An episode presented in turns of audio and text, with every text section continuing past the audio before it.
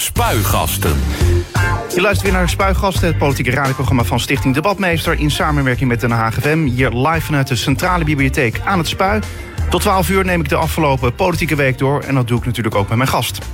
Den Haag moet een eh, slavernijmonument en een jaarlijkse herdenking van de afschaffing van de slavernij krijgen. Ook moet er een lesprogramma komen voor alle Haagse scholieren en studenten.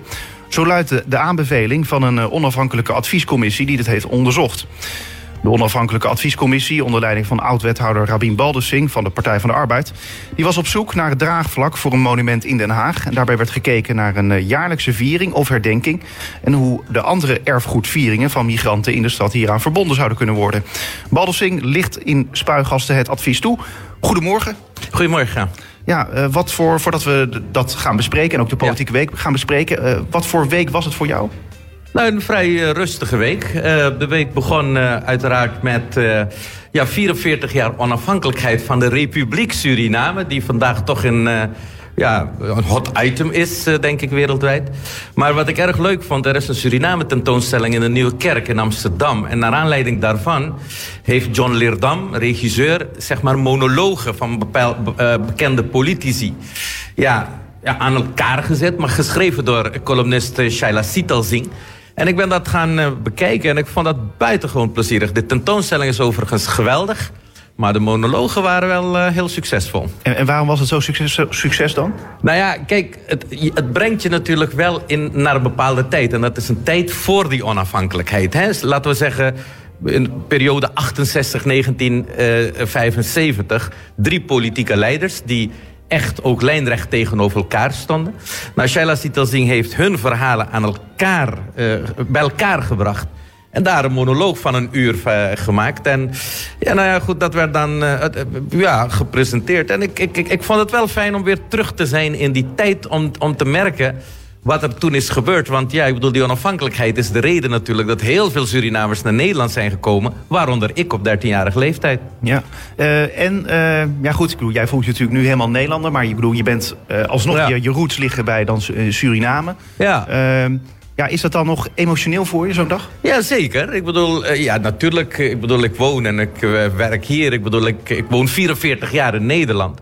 Dus hier heb ik een grote geschiedenis dan in Suriname. Maar ja, het is, het is wel het land waar ik geboren ben, waar ik elk jaar naartoe ga. Op vakantie, mijn moeder woont er. Dus die band, die is er.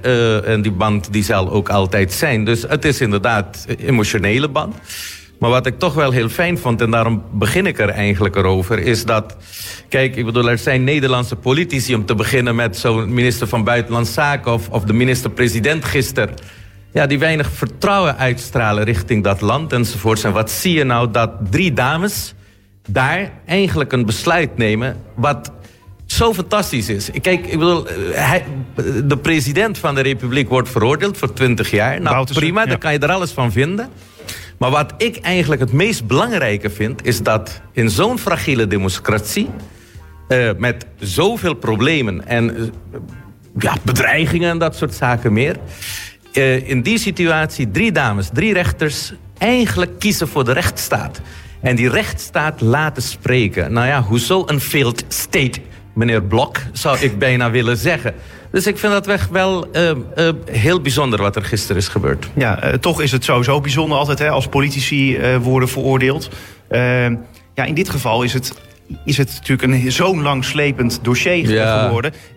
is dit dan nu eigenlijk het eindoordeel? Nee, nee, nee, nee helaas niet. het is wel een belangrijk oordeel, zeker ook voor de nabestaanden.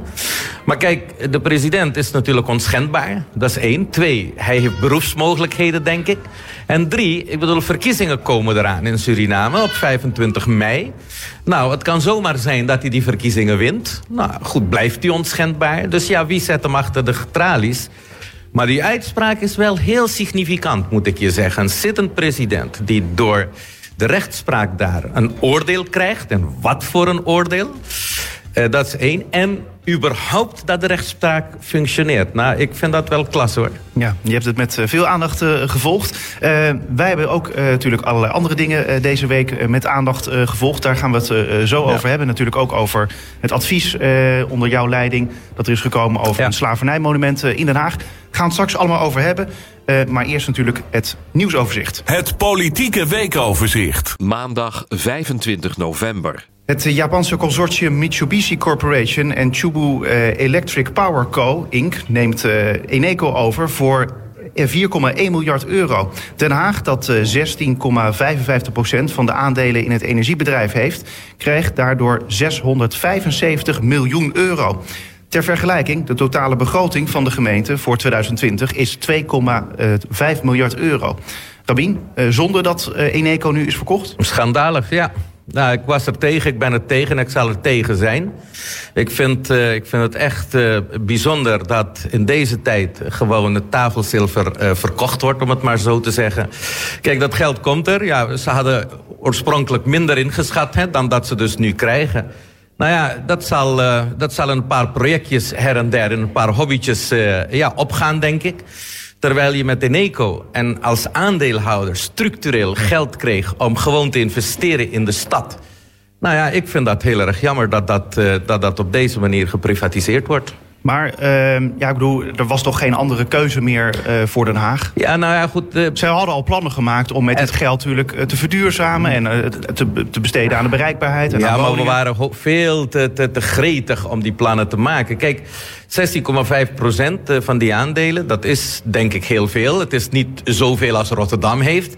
Ik denk dat Rotterdam de lead in had ook. En die wilde ook heel graag. Uh, uh, uh, ja, ik bedoel, ik denk dat het wel belangrijker was geweest als wij. ja, nou ja, goed, nog meer onze stem hadden laten horen. En misschien wat partijen hadden mee kunnen krijgen. Ik vind het gewoon niet verstandig, moet ik je zeggen, om één keer het geld te krijgen en dan ook op te soeperen. Ik denk niet dat het geld stadsbreed besteed zal gaan worden. Nou ja, goed, als je de plannen zag ook wat er lag. Nou, dat was dan ook niet stadsbreed, zeg maar, uitgerold. Ik bedoel, de gewone man of vrouw uh, in de stad... Uh, ja, ik denk niet dat hij er heel veel baat zal, bij zal hebben. Terwijl het structurele geld werd natuurlijk wel eens, hè, op een wat bredere manier... richting de stad uitgerold. Ja, maar het, het, het, irritante is er ook natuurlijk aan van... ja, als je dat geld ja, behoudt doordat je je aandelen niet verkoopt... dus als het geld in, in eco blijft, je aandelen... ja, dan heb je er toch ook helemaal niks aan? Nee, maar je kreeg toch die dividenduitkering en zo elk jaar. Ja, dat is dan het enige. Ja, maar goed, ik bedoel, dat was wel belangrijk. Dat er een cashflow was, structureel zeg maar. Het was ook een stevige cashflow. Die je dus gewoon, uh, uh, ja, nou ja, goed kon besteden in die stad. En nu krijg je het eenmalig en het lijkt gigantisch veel. Maar ik garandeer u, ik bedoel, het zal ook uh, gigantisch snel, zeg maar, ja, ergens naartoe gaan. Dinsdag 26 november. Het is op dit moment eh, zeer twijfelachtig of de vreugdevuren in Duindorp en op Scheveningen deze jaarwisseling kunnen doorgaan. Dat schrijft de Haagse waarnemende burgemeester Johan Remkes aan de gemeenteraad. Uh, ja, Rabin, inmiddels weten we al dat het uh, in ieder geval Duindorp is geweest die zegt van nou we trekken de stekker eruit. Uh, maar Remkes die zegt eigenlijk ja, zeer twijfelachtig. maar dat wisten we misschien eigenlijk al vanaf 1 januari, toch? Ik denk dat het een hele moeilijke keuze zou zijn geweest om het door te laten gaan. Ik vind ook dat de burgemeester, de waarnemend burgemeester, een terechte keuze maakt. Wat ik wel ontzettend jammer vind, moet ik je zeggen, is de reactie vanuit Duindorp. Uh, ik bedoel, er worden natuurlijk zinnen gebezigd al. Het vuur is van ons afgepakt, las ik. Nou, dan denk ik van jongens, wacht eens even. Ik bedoel, uh, was het gemeentebestuur de veroorzaker hiervan? Ja. Ik bedoel, alles maar eigenlijk wel, toch? Nou ja, goed, alles lag plotseling op uh, het bordje van burgemeester Krikke. Want die zou alles verkeerd hebben gedaan en dat soort dingen meer. Kijk, dat er in de regelgeving wat dingen niet goed zijn gelopen... zeg ik dan maar een beetje eufemistisch zoals dat had moeten lopen. Nou, dat moet natuurlijk aangepakt worden en zo. Maar ja, ik eh, bedoel, er waren mensen daar op Scheveningen en, en in Duindorp... die uh, jerrycans vol met benzine er naartoe zijn gegaan. Die dat ook neergezet hebben, die die stapels neergezet hebben... die ook bepaalde spreuken hebben laten hangen... die niet echt welgevallig was voor de hele Haagse bevolking... Nou ja, goed, ik bedoel, ik vind in dit hele debat vind ik het ontzettend jammer dat die mensen die eigenlijk het hele probleem veroorzaakt hebben, willens en wetens, Ja, dat zij eigenlijk buiten schot zijn gebleven. En dat vind ik dus wel jammer. Nou, nu wordt dat geregadeerd voor jongens. Uh, we, gaan, we willen het heel graag, tuurlijk, want het is leuk. Uh, sommige mensen noemen dat erfgoed. Nou ja, tegenwoordig is in Nederland alles erfgoed, uh, weet je wel. Ik bedoel, de Haagse hopjes, die moeten nog langskomen, geloof ik. maar ik bedoel, er zijn natuurlijk wel wat dingen gebeurd vanuit beide kanten. En ik vind dat, dat het ook van beide kanten goed bekeken moet gaan worden. Nou, wat Remke zegt, nou bij twijfel niet inhalen. Ik ga niet inhalen en ik vind dat een juiste keuze. Volgens mij ook ondersteund door de gemeenteraad. Laten we dat goed organiseren. De tijd is veel te gemeten om hier gekke dingen mee te gaan doen. Maar nu om te gaan gillen en elkaar de put in te praten van... nou, het wordt een onrustig jaar en dat soort dingen meer. Ja, als je het steeds roept en vaker roept en harder roept... zal dat ook zo het geval zijn. Vind ik jammer. Ik vind juist dat de verantwoordelijkheid bij beide partijen ligt om sussend als het ware het jaar uh, over te gaan... en vanaf volgend jaar ja, jezelf te herpakken... en, en ja, een, misschien een nog mooier vuur, uh, uh, ja, traditie daar neer te zetten. Woensdag 27 november. De organisaties van de vreugdevuren op Scheveningen en Duindorp... die blijven vechten voor een traditie. Beide organisaties zeggen dat zij kunnen voldoen aan de eis... voor een aansprakelijkheidsverzekering voor evenementen. Daarnaast zijn zij bereid te werken aan andere kritische punten... De organisatie bevestigt berichtgeving hierover in de Scheveningen. Uh, ja, Rabin, je had het net over van ja, je, moet eigenlijk dus met elkaar in uh, gesprek gaan van hoe los, los je dit dan uh, op. Uh, we weten dus al dat Duindorp de stekker eruit heeft gehaald. maar goed, het lastige is van ja, hoe los je dat al pratend op? Want ik bedoel, het is bedacht voor de jeugd. Die moest iets te doen hebben, omdat die anders uh, rotzooi gingen trappen in de wijk. Ja, maar er zijn heel veel dingen voor je jeugd in de stad bedacht. Hè? Ik bedoel, ook uh, jongerenwerk is er in de stad. Uh, het welzijn. Ik bedoel, daar zitten we natuurlijk nu ook gigantisch op te bezuinigen. dit college, hè, wat, dit, dit hangend college... Ik bedoel, ja, ik bedoel, dat zal ook natuurlijk grotere problemen volgens mij in de stad veroorzaken dan dit. Uh, persoonlijk vind ik dat. Maar kijk, weet je, ik zou zeggen, het is verstandig, beste mensen, neem de tijd. Ik bedoel, dat je het iets een jaartje overslaat, betekent niet dat een traditie om zeep wordt geholpen. Nee, uh, ga met elkaar om de tafel zitten. Uh, praat met elkaar niet via de media of via de raad. Hè? Ik bedoel, ik denk dat het heel erg verstandig is om uh, ja, nou ja, vanaf januari al uh, met het gemeentebestuur, met een ambtenarij, met de burgemeester te gaan praten om te komen tot een doorstart van deze fantastische traditie. Want dat vind ik wel. Donderdag 28 november. En de Haagse waarnemer burgemeester Johan Remkes die is niet van plan de eisen voor de bouwers van de vreugdevuren in Scheveningen en Duindorp te versoepelen. Volgens hem is er geen sprake van dat de bouwers nu aan te veel voorschriften zouden moeten voldoen. En regels die wel gelden kunnen niet worden geschrapt. Ook hier in Den Haag geldt de landelijke wetgeving. Wij zijn hier niet de Vrije Republiek Den Haag. Uh, wel goed toch dat, dat uh, Remkes uh, niet over zich heen laat lopen? Nee, ik vind dat heel goed. En overigens hadden de bouwers of de initiatiefnemers op Scheveningen en Duindorp dit zien aankomen. Ik bedoel, dit moeten zien aankomen. Ik bedoel, het rapport van de Veiligheidsraad. Ik bedoel, ja, dat was niet mals, begrijp je? Uh, dus je weet precies wat erin staat... en je weet wat dus dan het gemeentebestuur gaat doen. Ik bedoel, die eisen... Uh, ja, die zullen niet mals zijn en die waren ook niet mals. En ik vind dat alleen maar verstandig. Ik bedoel, er hoeft nou iets kleins te gebeuren. En de hele wereld kijkt naar Den Haag. Ja. Dus ik vind uh, even pas op de plaats, zorgvuldigheid betrachten en een mooie doorstart maken. Maar snap jij dat Duinop nu zegt van nou dan stoppen we er maar gewoon mee? Ja, dat vind ik. Nou, nee, dat snap ik eigenlijk niet. Aan de ene kant zeggen ze: dit is erfgoed en dit is traditie en dit is zo belangrijk voor ons. En nou ja, nu je even een, een, een, een, een, een drempeltje tegenkomt, eh, een uitdaging, en dan zeg je nou nee, we stoppen ermee. Ja, dat, dat klinkt een beetje chantabel, moet je zeggen. En ik vind dat niet verstandig. Ik vind niet dat je op die manier... Dat, dat vind ik ook niet volwassen, dat je met elkaar gaat praten. Ik bedoel, als het voor de stad en voor Duindorp dit zo belangrijk is... nou ja, jongens, zie de billijkheid ervan in... En probeer dan vanaf volgend jaar uh, uh, een mooie doorstart te maken. Want je hebt dan twaalf maanden om dat uh, voor te bereiden. Uh, maar ga niet hals over kop dingen doen. Dat is niet goed uh, voor niemand als het straks ook uh, niet goed loopt.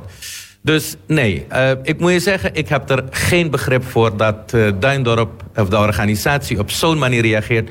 Ik vind dat zelfs heel, heel, heel erg jammer. Maar je zou ook gewoon kunnen zeggen van ja, Duindorp, ja, die, die kunnen geen kant meer op. Die staan met de rug tegen de muur. Nou, Nee, ik bedoel, ja, dat, hoezo staan ze bij de rug tegen? Kijk, Nou, met al die, schreef, al die regeltjes en voorschriften waar ze aan moeten voldoen. Nee, maar dan hadden ze dus eerder al moeten beginnen. En niet wachten tot. Wat, wanneer, wanneer, is, wanneer is het ingediend? Een paar weken terug of zo? Ja. Ik bedoel, ja, dan, dan werkt dat dus niet. Overigens vraag ik me af, als er nu een vergunning zou zijn gegeven... of dat binnen de geldende termijnen zou zijn. Dan ga je dus ook nog een uitzondering maken. Nou, dan moet je dus ook wel de beste argumenten hebben... om die uitzonderingen te maken. Nou, nee hoor, ik eh, sta aan de kant... eh, en, en dan praat ik niet echt eh, gewoon als oud-wethouder of zo... of die, die de reuring op het stadhuis kent... maar ik praat gewoon ook als Hagenaar... Jongens, het is een belangrijke traditie. En ook voor mij is het heel erg belangrijk. Laten we ervan genieten. Laten we geen gekke dingen doen. Maar goed plannen. Een doorstart lijkt mij het beste. Dus gooi de handdoek niet in de ring. Jullie vinden het een geweldige traditie. Kies voor die traditie. En ga niet zeggen van nou, dan gaan we het niet meer doen. Want dat vind ik een zwaktebod. Vrijdag 29 november. Bij een steekpartij in de eh, Grote Marktstraat in Den Haag zijn drie mensen gewond geraakt. Inmiddels zijn de drie uit het ziekenhuis ontslagen. De politie is wel nog steeds op zoek naar de dader. Eh Rabin, het gebeurde allemaal tijdens eh, Black Friday Ja. eh, gisteravond. Veel mensen waren in de stad. Ja, hoe volgde jij het nieuws? Nou ja, ik was toevallig in Nieuwsport toen ik het las en zo. Ik moet je zeggen, ik heb hier echt geen woorden voor. Ik, ik, vind, ik vind het ontzettend erg. En ik, ik- tegenwoordig maak ik nog vaker gebruik van de tram. Eh, en elke keer wanneer ik in die tram zit, moet ik, eh, ja, moet ik aan Utrecht denken. Ik weet niet of we dat nog herinneren, wat er toen is gebeurd en zo. Kijk, die openbare ruimte, dat moet een safe haven zijn... voor een ieder die in die openbare ruimte hun ding wil doen. Eh, en ja, dat zoiets gebeurt, ja, daar schrik ik behoorlijk van, moet ik je zeggen. Dus ik hoop dat die dader echt ontzettend snel opgepakt wordt. En ik hoop dat de politie vrij snel bekend kan gaan maken wat de daadwerkelijke reden is dat dit eh, is gebeurd. Want dit is, eh, dit is niet, goed, niet goed voor de stad, niet goed voor de mensen in de stad en eh, niet goed voor onze toekomst. Wat mij opviel was dat er meteen heel veel internationale media hier aandacht Ja. aan besteden. Die waren er bijna, bij wijze van spreken, nog eerder dan de CNN Nederlandse. opende zelfs het nieuws ermee. Eh, ja, nou ja, goed. Ja, ik bedoel, het, het is groot eh, geworden. Ik weet niet hoe groot het is. Hè. Dat zal het onderzoek natuurlijk blijken. Hè, van wat voor ja, aanslag is het. Want het is wel een aanslag. Hè. Maar misschien ligt het ook aan het feit dat er in Londen... eh, op de London Bridge eh, zoiets is gebeurd... waarbij twee eh, slachtoffers te betreuren zijn. Hè? Eh, Twee doden te betreuren zijn. Ehm, ja, ik bedoel, eh, het is vaker gebeurd. In Parijs is het eh, gebeurd. Dus ja, als zoiets gebeurt, ja, dan schrikt de wereld denk ik wel een beetje. En dan wordt het eh, groot nieuws. Dus ik begrijp wel de aanwezigheid zeg maar, van eh, de journaaien. Ook de internationale journaaien hier in de buurt. Maar laten we dit even goed uitzoeken wat er precies is gebeurd... en eh, hoe we dit moeten kwalificeren. Maar dat dit gebeurd is, is shocking. Dit mag niet, dit moet niet. En nooit niet. Zaterdag 30 november. Partij van de Arbeid, eh, fractieleider Lodewijk Asscher... die voelt er wel voor om eh, burgemeester van Amsterdam te worden. Maar nu nog niet. Als ik later groot ben, dan lijkt het me leuk... zegt hij in de voetbalpodcast Kick-Off van De Telegraaf. Het is wel bijzonder, Rabin, hè, dat een politicus zijn ambitie uitspreekt. Oh, heeft hij dat bekendgemaakt? En ik was mij juist ervoor aan het voorbereiden. Eh, ja, eh, Ik dacht dat je net zei dat je juist eh, je hart had verpand aan Den Haag. Maar, oh, oh, Den Haag. Mooie stad achter de dijden. Tuurlijk, Den Haag. Ik, ik heb het gezegd ooit, hè? Den Haag is mijn vaderland. Ehm, eh, ja, kijk, ik, ik, daar, goed, ik, ik, ik weet niet in welke context hij dit gezegd heeft. Maar goed, dat dat de ambitie is, is, eh, is prima. Maar ik denk dat het verstandiger is voor Lodewijk Asscher... om eerval ervoor te zorgen dat we op 21 maart 2021... een goede verkiezingsuitslag maken... En dat we weer verantwoordelijkheid nemen om dit land socialer en sterker te maken. Ik denk dat dat de opgave is, maar na al die jaren eh, eh, van economische groei nu... en een rechtskabinet met een nog rechtser parlement, eh, geloof ik... eh, heeft het het land en met name voor grote delen van de bevolking niet goed gedaan. Heel veel mensen zitten in armoede, heel veel mensen hebben nog geen baan... heel veel mensen verkeren nog in onzekerheid. En het is gewoon heel erg belangrijk dat de Partij van de Arbeid... Ja, een mooie score maakt en verantwoordelijkheid neemt. Dus ik zou zeggen, Lodewijk Asscher... eh, kijk eerst even naar het land en go for that. En Amsterdam, dat zien we dan wel. Dat kan altijd nog. Uh, maar Rabin, uh, normaal gesproken spreekt natuurlijk iemand uit de Tweede Kamer uh, altijd alleen maar zijn ambitie uit om premier te worden, inderdaad, van Nederland. niet zozeer van, om burgemeester te worden van nou ja, zijn of haar stad. Dat is wel opvallend, toch? Ja, maar goed, nogmaals, ik ken de context uh, niet en zo. Uh, toen ik het hoorde, toen dacht ik, oh, wacht eens even, is uh, Femke Halsma weg? Maar nog niet, hè. dus, dus ja, waarom hij dat gezegd heeft, kan ik niet plaatsen. Maar ik ken ook een oud-wethouder in Den Haag die ooit gezegd had van... nou ja, ik moet ook e even wat meer... Die deed ook een voorspelling van, nou ja, Den Haag zou voor mij ook interessant kunnen zijn... maar eerst een beetje grijs om de slapen. Dus ja, ik bedoel, het is hoe die vraag naar zo'n persoon is gekomen? Nou, hij zei inderdaad wel van als ik later groot ben, dan lijkt het me leuk. Dus in die zin uh, bedoelt hij daar misschien ook wel de, uh, het grijs rond te slapen. Uh, wat ik wel nog af, me afvraag, Rabin, is van... heb je al een idee van wie... want in Den Haag zijn we natuurlijk ook op zoek naar een definitieve, een vaste burgemeester. Heb jij daar al ideeën voor? Nee, nog niet. Kijk, ik vind eerst... Um, kijk, dat wat er gebeurd is... Ehm, dat is echt geen kattenpis. Ik bedoel, dit is echt uniek geweest wat er is gebeurd. Het vertrek van Krikken. Ja. Dat is één. In het college zijn er problemen geweest. Dat is twee. Drie, het ambtelijk apparaat. Eh, daar zijn dus ook wel wat problemen. En daar is ook heel veel wantrouwen. En vier, en dat vind ik misschien wel het ergste van allemaal... want die andere dingen, dat wordt natuurlijk uitgezocht... en we moeten maar even kijken hoe wat waar. Maar de stad heeft een enorme imagoschade geleden. In de stad zelf, in het land, maar ook internationaal. Zijnde de internationale stad van vrede en recht. Ik kom wel eens in die gremia, hè, ook van die internationale stad, nog steeds. En iedereen begint daarover. En uh, het is heel erg gênant. Dus ik denk dat even de rust hersteld moet uh, worden. Ik weet niet of... Ja, nou ja, goed, ik heb natuurlijk de waarnemend burgemeester gehoord. Hè, die zegt 1 juli is 1 juli. Ik vind dat wel erg krap, moet ik je zeggen, om rust te herstellen. Uh, zes maanden, dat is niet veel. Uh, ik hoop dat hij ja, bereid gevonden kan worden misschien iets langer te blijven. Ja, maar ik, ik denk dat het echt verstandig is om de tijd te nemen, rust te creëren en dan uh, de procedures te starten. Want die procedures, als je die start, brengt dat natuurlijk ook een de eigen dynamiek met zich mee. Ja. En dan zullen de personen zich aanmelden. Namen zullen misschien gaan uitlekken. En die krijgt dan ook een bepaalde dynamiek. En ik weet niet of dat goed is uh, voor de stad aan zich. Uh, nogmaals, onderschat niet wat er op dit moment in bestuurlijke zin, in managerial zin gebeurt. Echt, dat is echt heel groot. Ik vind dat daar eerst rust op moet komen. Uh, uh, maar het vertrek van, van Krikken en eigenlijk alles wat erbij is, komen, bij is gekomen... dat heeft dat blootgelegd eigenlijk van wat er... Nou, het is niet begonnen, denk ik, met het vertrek van Krikken. Ik denk dat het begonnen is met de inval van het Nationaal Parket bij twee bestuurders. nou, dat is in Den Haag nooit gebeurd. Ik bedoel, dat er een burgemeester is vertrokken... volgens mij was dat wel eerder gebeurd uh, in Den Haag. In Den Haag. Weet, ik, weet, ik, niet, maar... Nou, uh, ik kan me niet herinneren in elk geval. Oké, okay, nou, nou, volgens mij in de jaren 50 of zo... Uh, moest er iemand vanuit een oorlogsverleden... nou, in ieder geval eerder plaatsmaken. Of niet continueren dat moeten we maar dan even erop nakijken. maar in mijn geheugen is zoiets uh, gegrift. Nee, niet op deze wijze. Maar er is ook niet een inval geweest in het bestuur. Uh, of bij bestuurders op de manier waarop het is gegaan. Ik denk dat het ook op die manier is gaan rollen. Ehm, dus ja, het zijn dingen geweest. Ja, Den Haag is eigenlijk in een soort rollercoaster beland hè, vanaf 1 oktober.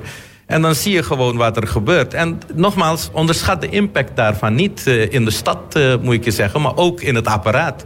In het, in het gemeentelijk apparaat. Dus dat zal wel heel veel tijd kosten om uh, er overheen te komen.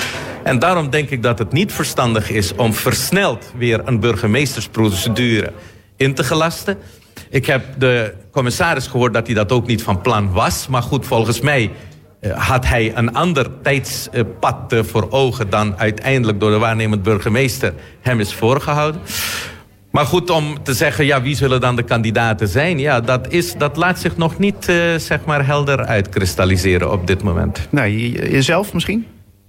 Je weet maar nooit uh, wat er uh, gebeurt volgend jaar. Nou, in ieder geval ben ik wel van plan om vanaf volgend jaar ja, weer uh, uh, na een tijdje rust te hebben gehad om uh, ja, aan de slag te gaan. Ik, ja, het liefst natuurlijk wel in de stad of rondom de stad of in de regio. Dat vind ik wel erg leuk. Kijk, ja, dat politieke hart klopt. Uh, en dat zal altijd blijven kloppen, omdat ik ontzettend gedreven ben geweest. Althans, in ieder geval in mijn gedachtegang. Niet zozeer om carrière te maken. Ik ben niet echt een carrièrefiguur geweest. Maar ik ben wel begaan met mensen in de stad. Ik ben wel begaan met uh, ja, nou ja, goed, de sociale problematiek... Uh, die zo'n uh, ja, stedelijk structuur met zich meebrengt. Ja, daar wil ik aan bouwen. En ik zie dat het bouwen op dit moment wel de verkeerde kant uitgaat met de sociale structuur. Hè?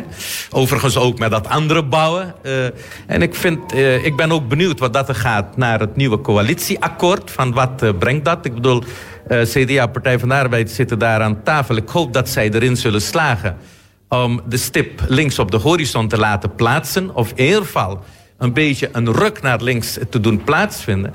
Want gebeurt dat niet, dan vrees ik wel dat we hele moeilijke tijden in de stad gaan uh, tegemoet gaan. En dat gun ik Den Haag niet. Veel te mooie stad.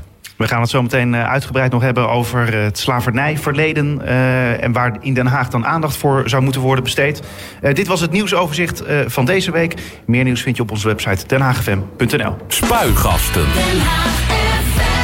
En meteen even rechtzetten wat, waar, waar we het net over hadden. Van welke burgemeester was er inderdaad eerder, of in ieder geval voortijdig, opgestapt. Ehm, Luisteraar die meldt, uh, burgemeester Frans Schokking die trad in 1956 af... nadat er een incident uit de Tweede Wereldoorlog was... waar hij bij betrokken was, uh, bekend werd. Het geheugen werkt nog bij mij, zie ik. Uh. Dat, dat heb ik ook niet durven te betwijfelen, Rabin. um, we gaan het over iets anders hebben. Den Haag moet een slavernijmonument... en een jaarlijkse herdenking van de afschaffing van de slavernij krijgen. Ook moet er een lesprogramma komen voor alle Haagse scholieren en studenten. Zo luidt de aanbeveling van een onafhankelijke adviescommissie die dit heeft onderzocht. De onafhankelijke adviescommissie onder leiding van oud-wethouder Rabin Baldessing was op zoek naar draagvlak voor een monument in Den Haag. Daarbij werd gekeken naar een jaarlijkse viering of herdenking en hoe de andere erfgoedvieringen van migranten in de stad hieraan verbonden zouden kunnen worden. Baldessing die is hier te gast en hij ligt het uh, advies toe. Uh, Rabin, om te beginnen, uh, toenmalig wethouder Rachid Gernawi, ja. die vond het onderzoek eigenlijk helemaal eerst helemaal niet nodig. Nou ja, dat was best opvallend, hè? Er is uh, een uh, motie ingediend, uh, begrijp ik, in de gemeenteraad. door twee politieke partijen, hè, GroenLinks en de Partij van de Arbeid. Nou, die motie heeft het gehaald. zoals de oud-burgemeester dat zei. dus ja, nou ja, goed. En die motie heeft eigenlijk het college ja, verzocht om uh, te onderzoeken. Nou, inderdaad, het college wilde daar in eerste instantie niet aan. Maar goed, als je meerderheid van de raad zich uitspreekt... ja, dan ga je ermee aan de slag. En dat heeft geresulteerd in het feit dat toenmalig wethouder Gernawi inderdaad mij benaderd heeft met het verzoek of ik zo'n commissie zou willen samenstellen en zou willen voorzitten. En daarop heb ik ja gezegd. Ja. En uh, wanneer speelde dit? Nee, in het begin van het jaar, uh, zo ongeveer, maart, april, uh, is dit allemaal gaan spelen. En kijk, weet u, dit is natuurlijk een heel beladen thema geworden allemaal in Nederland. Hè? Eh, terwijl dat niet hoeft volgens mij. Want kijk, de hele slavernijverleden... Uh, ja, daar kun je moeilijk over doen. Maar het is natuurlijk wel een, een gezamenlijk verleden van, uh, van ons allen. Het is een geschiedenis en daar kun je niet omheen. Het vervelende is dat die geschiedenis... ja, nou ja, goed, uh, op scholen, op universiteiten... niet echt gedoseerd wordt, niet bekend is ik schaam me er eigenlijk ook niet voor als Nederlander dat deze geschiedenis zich heeft plaatsgevonden. Maar ik schaam me er wel voor dat wij niet durven om die geschiedenis als het ware te herkennen en te erkennen. En dat vind ik wel een probleem. En ik zag hierin een kans om in ieder geval... Uh, kijk, om de stad bewust te maken van die geschiedenis. Omdat heel veel Hagenaars dat ook belangrijk vinden. Dat zij op die manier gewoon herkend en erkend worden. Uh, kijk, en een monument is maar een monument. Een monument leeft niet. Die staat ergens en je passeert het of je passeert het niet. Uh, uh, je legt één keer per jaar een bloemetje uh, en niet. Dus je moet het monument als het ware laten leven. En daarom vond ik het belangrijk, en, daarom, en de commissie dus heel nadrukkelijk ook... van een monument prima, maar zorg ervoor dat er een programma eromheen is. Samen, in samenwerking met de bestaande instellingen, zoals de bibliotheken. En, uh, nou ja, en daarmee zijn we aan de slag gegaan. En daarom hebben we ook het college geadviseerd. Een monument, daar is draagvlak voor. Maar waar een grotere draagvlak voor is, is kennis delen. Uh, in programma's, welke programma's dan ook. Kijk, je kunt scholen niet opleggen om dingen te doen... maar ga met ze in gesprek om te kijken in welke vorm zij dus een programma kunnen neerzetten... zodat de stad bewust wordt van datgene wat tot 1863 uh, uh, is gebeurd in die gezamenlijkheid... en zelfs misschien ook daarna. Ja, was jij deze mening niet eigenlijk al toegedaan op het moment dat je al begon met dit onderzoek? Nou, kijk, de samenstelling van de bevolking is een totaal ander. Dat is één. Uh, hier wonen vrij weinig Afro-Surinamers en Antillianen... in tegenstelling tot Amsterdam en Rotterdam. Uh, dus uh, hier leeft meer dat Hindoestaanse immigratie, zeg maar... met tienduizenden Hindoestanen.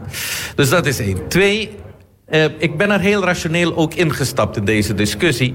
Of in dit gesprek en in deze opdracht moet ik je zeggen. Waarom? Omdat er al een nationaal monument in Amsterdam is.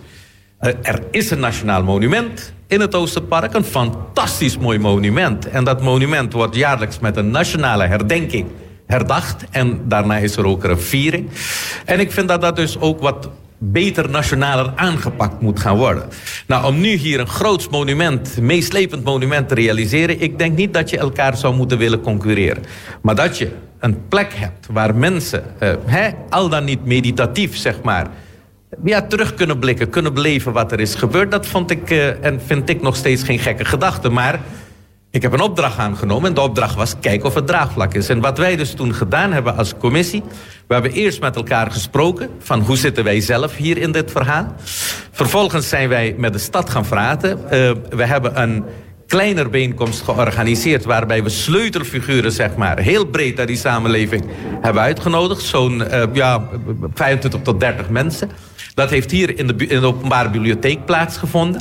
En vervolgens hebben wij ook hier in de openbare bibliotheek... althans waar we op dit moment zitten... een grotere open bijeenkomst georganiseerd... waar ja, 80, 85 mensen aanwezig waren. We hebben tafelgesprekken gehad met elkaar. We hebben individuele gesprekken gehad. En dat wat wij eruit hebben gehaald, het mandje hebben gevuld... hebben we getoetst met wat wetenschappers van verschillende universiteiten.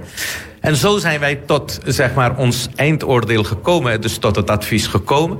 En uit al deze gesprekken bleek eigenlijk inderdaad vanaf dag één... Uh, men één, eindelijk, zeiden ze. Dus er was gigantisch veel waardering vanuit de stad... voor uh, het gemeentebestuur en de gemeenteraad. Dat... dat ja, het gemeentebestuur eindelijk gedurfd heeft om überhaupt hierover te spreken een opdracht te geven om misschien te komen tot. Dus die waardering heeft iedereen zich... Dat ze worden gehoord in elk ja, geval. Dat, dat, dat, dat raakte mij wel hoor, moet ik je zeggen. Ik wist, kijk, omdat het ook een heel emotioneel onderwerp is en zo. Hè, dus men, men heeft enorm veel waardering ervoor gehad. Uh, vrij snel kwam ook naar voren dat men een monument wilde. Maar de meningen daarover waren wel veel uiteen. Hè? Uh, wat, wat voor monument. En eigenlijk heeft niemand gezegd van... nou, het moet groot zijn, meeslepend en dit en dat. Overigens was dat ook niet onze uh, opdracht om daar al een uitspraak over te doen. Maar het begon zelfs van een speeltuin tot een klaagmuurachtig iets... tot een plakkaat, tot een... Nou goed, tot een schip. Nou ja, alle ideeën uh, hebben we keurig uh, genoteerd enzovoort. Uh, dus die verslagen, die liggen er. uiteindelijk, in de laatste bijeenkomsten werd er gezegd van... nou ja, een soort wandmonument hè, zou dus mooi zijn.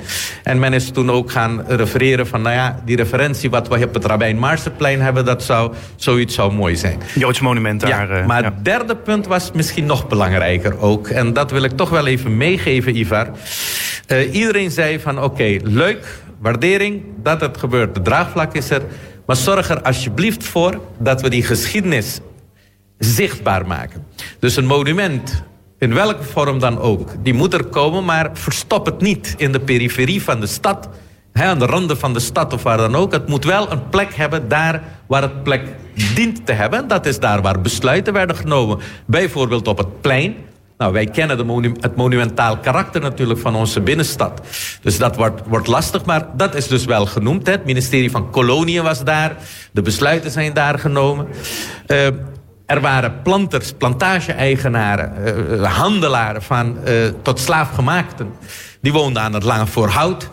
Dat is ook genoemd, moet je zeggen. En wat anders ook, wat ook genoemd werd, was de paleistuin. Vind ik zelfs een hele interessante, moet je zeggen.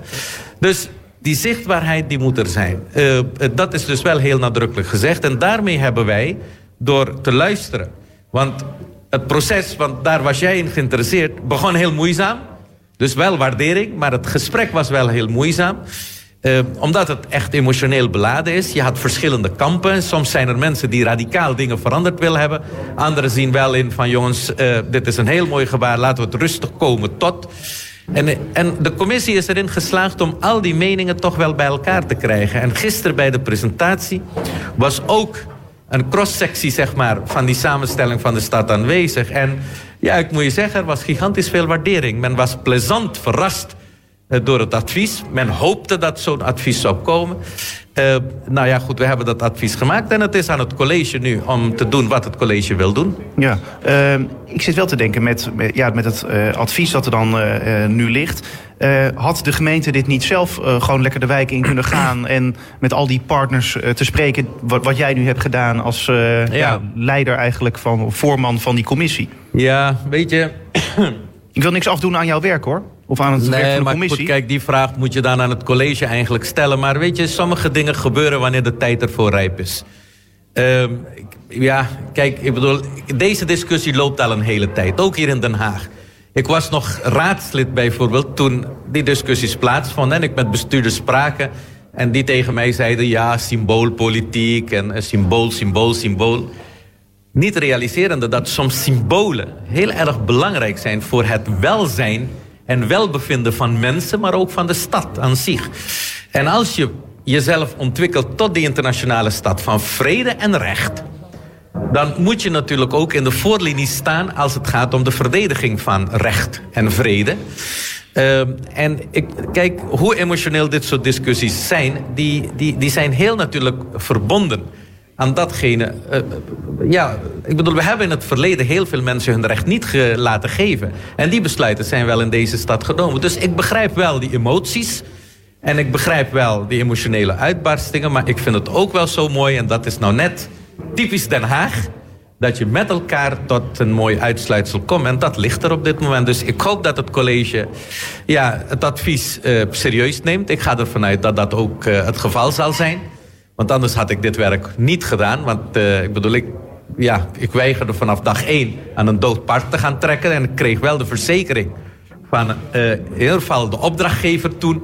van we nemen het advies heel serieus. Nou, dat ligt er. Dus ik ga ervan uit dat het, uh, het, het nieuwe college ermee aan de slag gaat. Ja. En misschien, heel misschien, is er... want dit speelt al een tijdje... is er een passage in het coalitieakkoord hierover opgenomen. Wie weet... Nou, dat zeg je niet zomaar.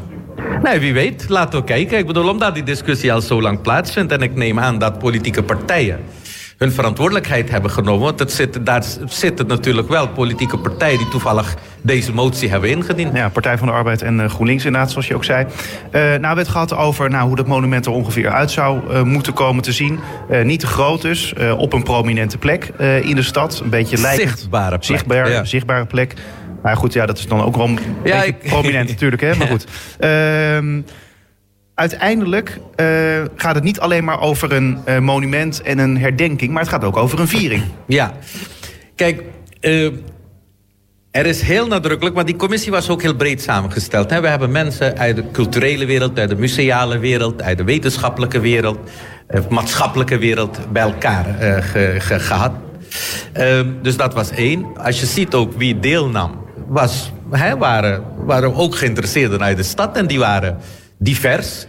Bedoel, uh, en dat was denk ik heel erg mooi. En er is heel nadrukkelijk te kennen gegeven van... kijk, dat monument moet een monument zijn van een ieder in die stad.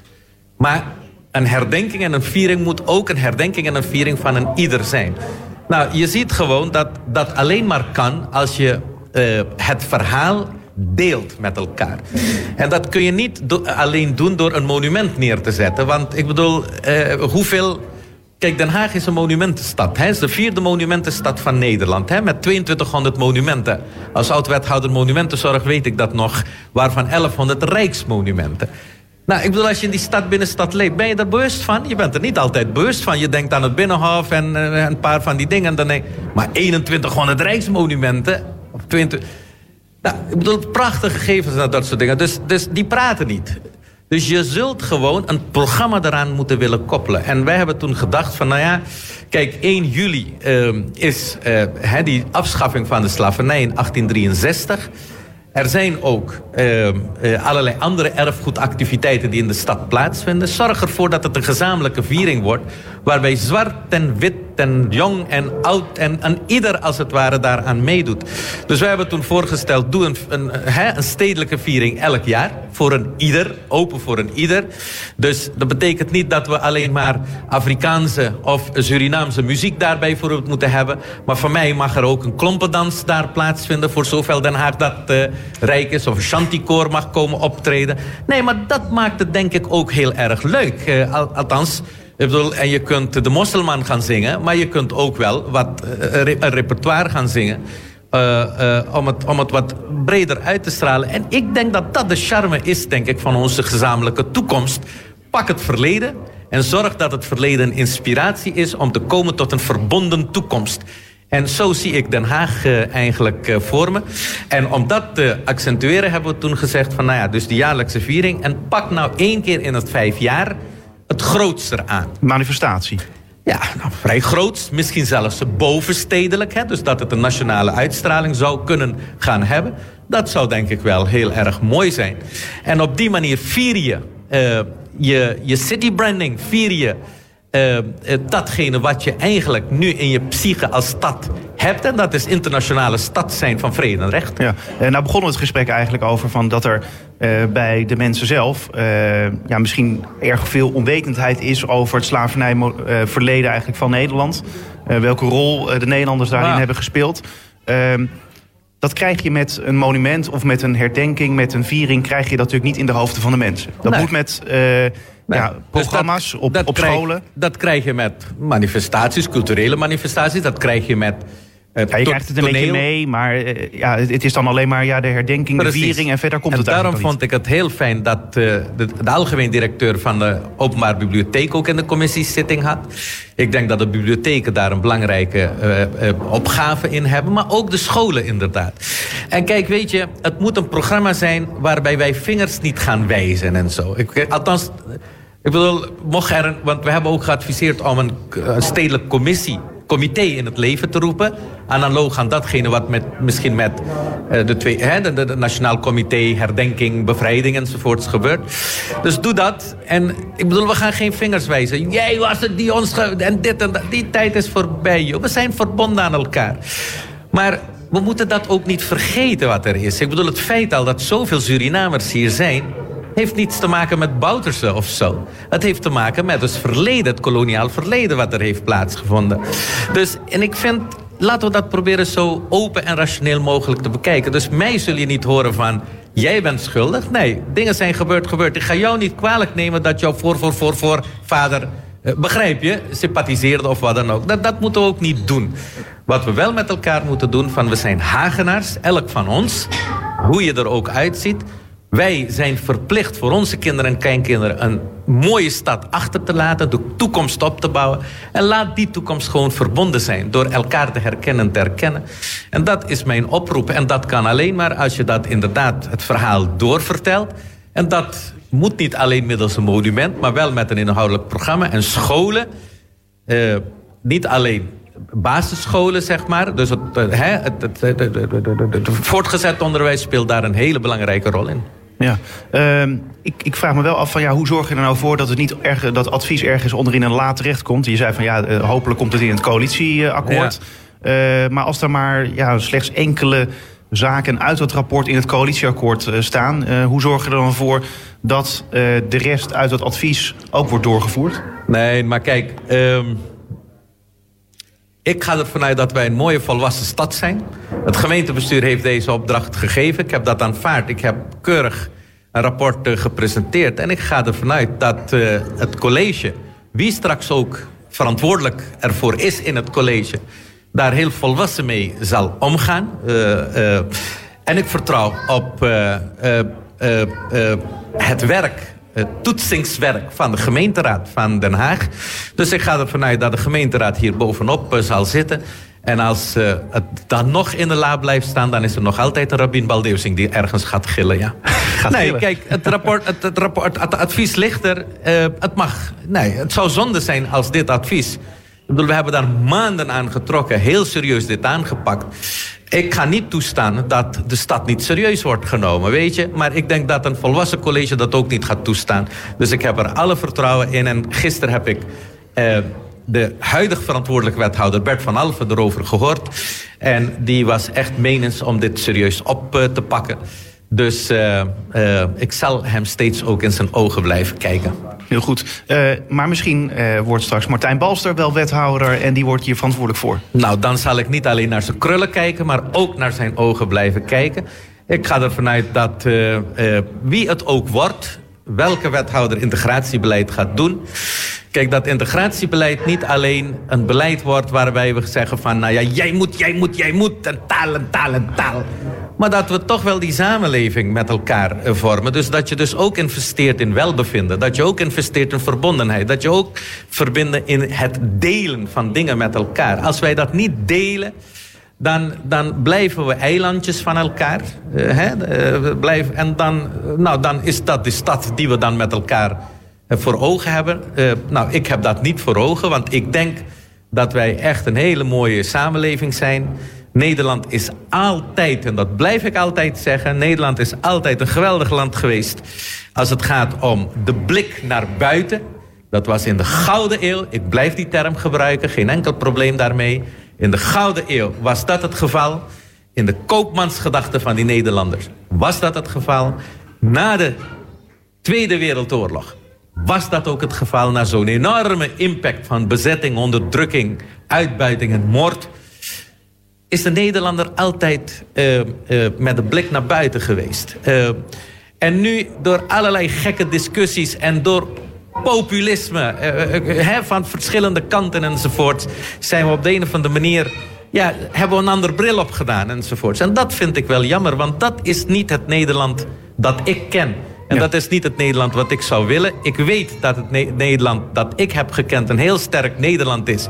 Vertrouwen heeft in eigen kunnen, in de rechtsstaat, maar ook in tradities en erfgoeden. Maar dat het Nederland dat ik gekend heb ook altijd bereid is geweest om te zeggen van... nou ja, ik wil ook zaken opnemen die nieuw tot mij komen. Nou, laten we dat vasthouden en voortbouwen. En gezamenlijk, zeg maar, richting die verbonden toekomst gaan. Tot slot, je hebt nu een advies gegeven aan de hele Nederlandse samenleving. Je hebt een advies gegeven uh, aan het college. Heb je nog een advies voor de Partij van de Arbeid... die nu onderhandelt over een nieuw uh, coalitieakkoord? Nou ja, kijk, de Partij van de Arbeid heeft, uh, is gevraagd om aan tafel te komen. De Partij van de Arbeid volgens mij hoefde niet zo nodig. Hè? We hebben vorige keer een behoorlijke klap gekregen. Drie zetels. dus wat mij betreft hoefde dat niet. De Partij van de Arbeid had de tijd kunnen nemen om hè, zich verder op te bouwen richting de verkiezingen van uh, 22, hè, 2022. Maar toch heeft de Partij van de Arbeid verantwoordelijkheid willen nemen. En dat vind ik goed. Dat vind ik goed, omdat... Kijk, op een gegeven moment moet je als de roep daar is, niet voor jezelf kiezen, maar voor die stad kiezen. En dat is wat de Partij van de Arbeid op dit moment doet. De Nu- vraag is nu, Ja? met welk onderhandelingsresultaat komt hij thuis? Ja. Als hij met een onderhandelingsresultaat komt waarbij ik het sociaal karakter niet terugvind, waarbij ik niet zal zien dat er, een, dat er een koerswijziging komt in het beleid, dan zal ik dat zeker betreuren. Dan zal ik mij afvragen van wat voor meerwaarde heeft het. Maar nogmaals, ik ga ervan uit dat de Partij van de Arbeid zich heeft laten kennen en dat er een mooi resultaat ligt om de stad in ieder geval van het bestuur hè, van de rechtse koers naar de, link, hè, naar de midden-linkse koers eh, te brengen om die stad verder te verbinden en verder te helpen.